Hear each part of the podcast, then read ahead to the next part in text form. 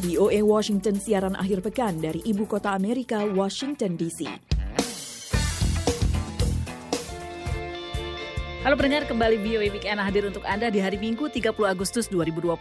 Kali ini bersama saya Eva Mesreva. Dan saya Rifan Dwi Astono. Apa kabar Van weekend ini? Alhamdulillah, baik Pak. Semoga para pendengar kita juga baik-baik aja ya. Sehat walafiat dan tetap semangat. Meski mungkin harus tetap menahan diri untuk ada di rumah dulu deh. Jangan terlalu sering keluar-keluar kalau nggak penting-penting banget. Iya benar, tapi kayaknya kita aja kali di sini yang ketakutan. Karena kabarnya di Indonesia, tepatnya di Jakarta nih Van, bioskop sudah Hmm. bakal mulai dibuka loh.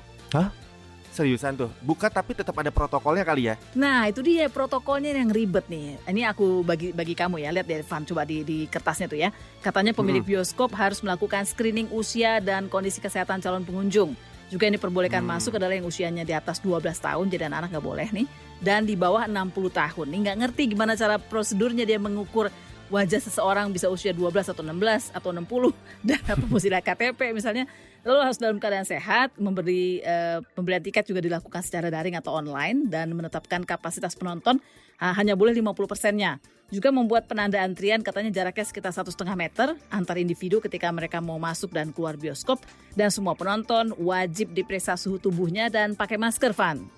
Waduh, ini kayaknya butuh banyak karyawan tambahan nih untuk mastiin semuanya tetap sesuai protokol ya, Fa ya. Iya benar. Nah, tapi ada lagi nih, Fa. Jadi penonton di dalam teater bioskop ini dilarang bicara, tertawa, makan minum, baik saat sebelum, pas lagi nonton, ataupun selepas nonton. Dan kalau ada yang bandel nih, nggak ikutin protokol ini, maka nanti pertunjukan filmnya bakal diberhentiin. Terus nanti antara film ini yang satu dan lainnya bakal ada jeda waktu sekitar 60 menit untuk disanitasi dulu nih ruangan bioskopnya. Lumayan sih ya, lumayan kebayang gimana ribetnya gitu. Iya tapi kan gak seru misalnya cuma gara-gara Rifan yang batuk atau ketawa atau buka masker terus aku jadi nggak Iya. bisa nonton karena filmnya diberhentiin gitu loh Van. nah masih banyak bakal lagi protokol-protokol lainnya kita akan bahas nanti ya Van ya. Sekarang kita langsung ke laporan pertama dulu di VOA Weekend kali ini. Ini agak serius nih. Mhm. Penganut supremasi kulit putih yang membunuh 51 jemaah di dua masjid di Selandia Baru Maret tahun lalu itu mengatakan kepada hakim bahwa ia tidak akan bicara pada hari terakhir sidang hukumannya. Nah dalam tiga hari pertama persidangan, ada 90 orang yang selamat dan anggota keluarga mereka yang mengungkapkan kepada hakim tentang rasa sakit dan uh, juga hal lain yang mereka rasakan akibat penembakan itu. Banyak yang mengatakan hakim harus menjatuhkan hukuman maksimum tanpa pembebasan bersyarat kepada pelaku. Sebagian lainnya menyebut laki-laki itu monster atau pengecut. Tapi ada juga yang mengutip ayat-ayat Al-Quran dan dengan lembut mengatakan mereka memaafkan Brenton Tarrant. Kita simak laporan Karlina Amkas.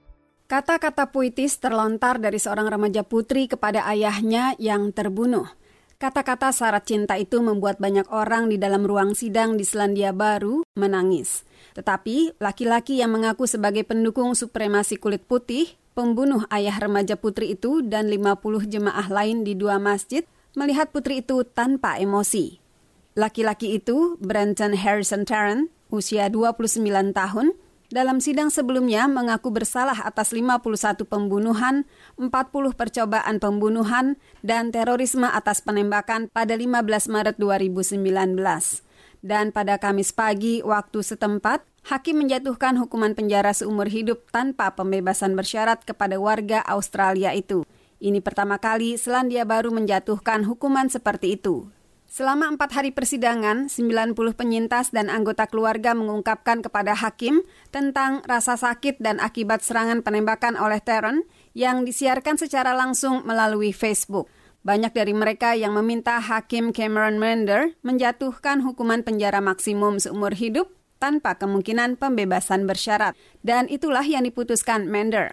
Menurutnya, masa hukuman tertentu tidak akan cukup. Most of your victims were at prayer, violated places of worship where people came together for peace and fellowship. The hate Sebagian besar korban Anda sedang sholat. Anda melanggar tempat ibadah di mana orang berkumpul untuk mendapatkan kedamaian dan bersilaturahim.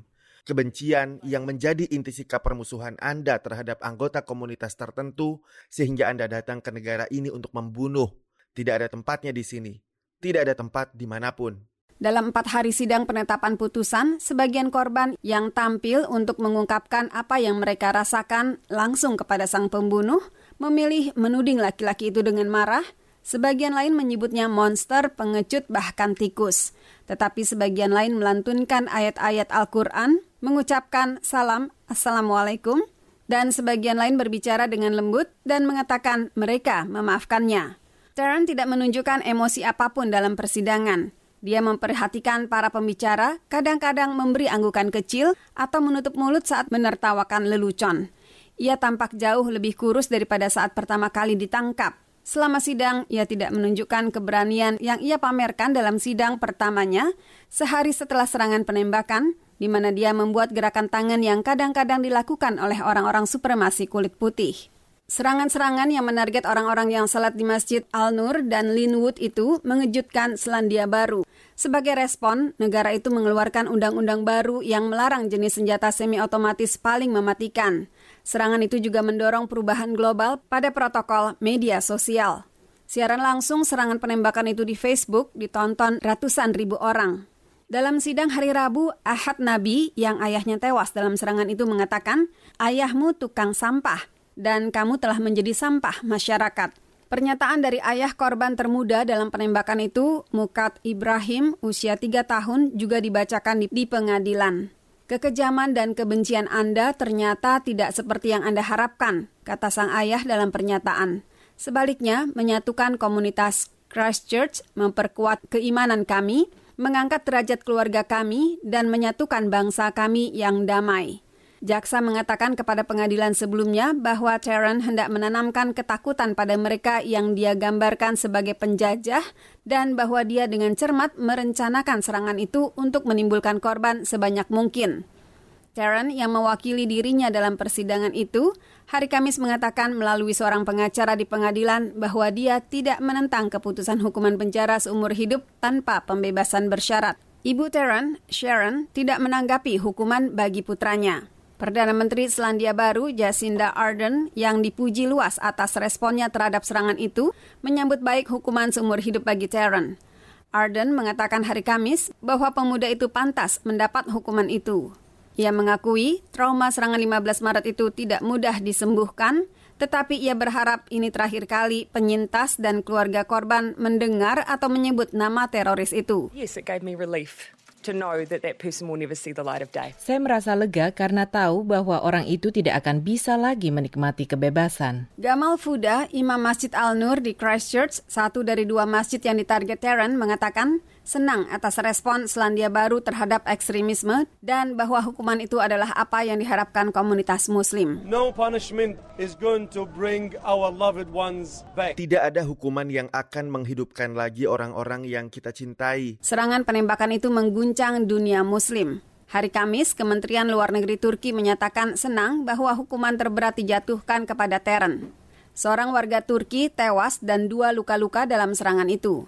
Winston Peters, wakil Perdana Menteri sekaligus Menteri Luar Negeri Selandia Baru, menyerukan agar Taron dideportasi ke Australia untuk menjalani hukumannya.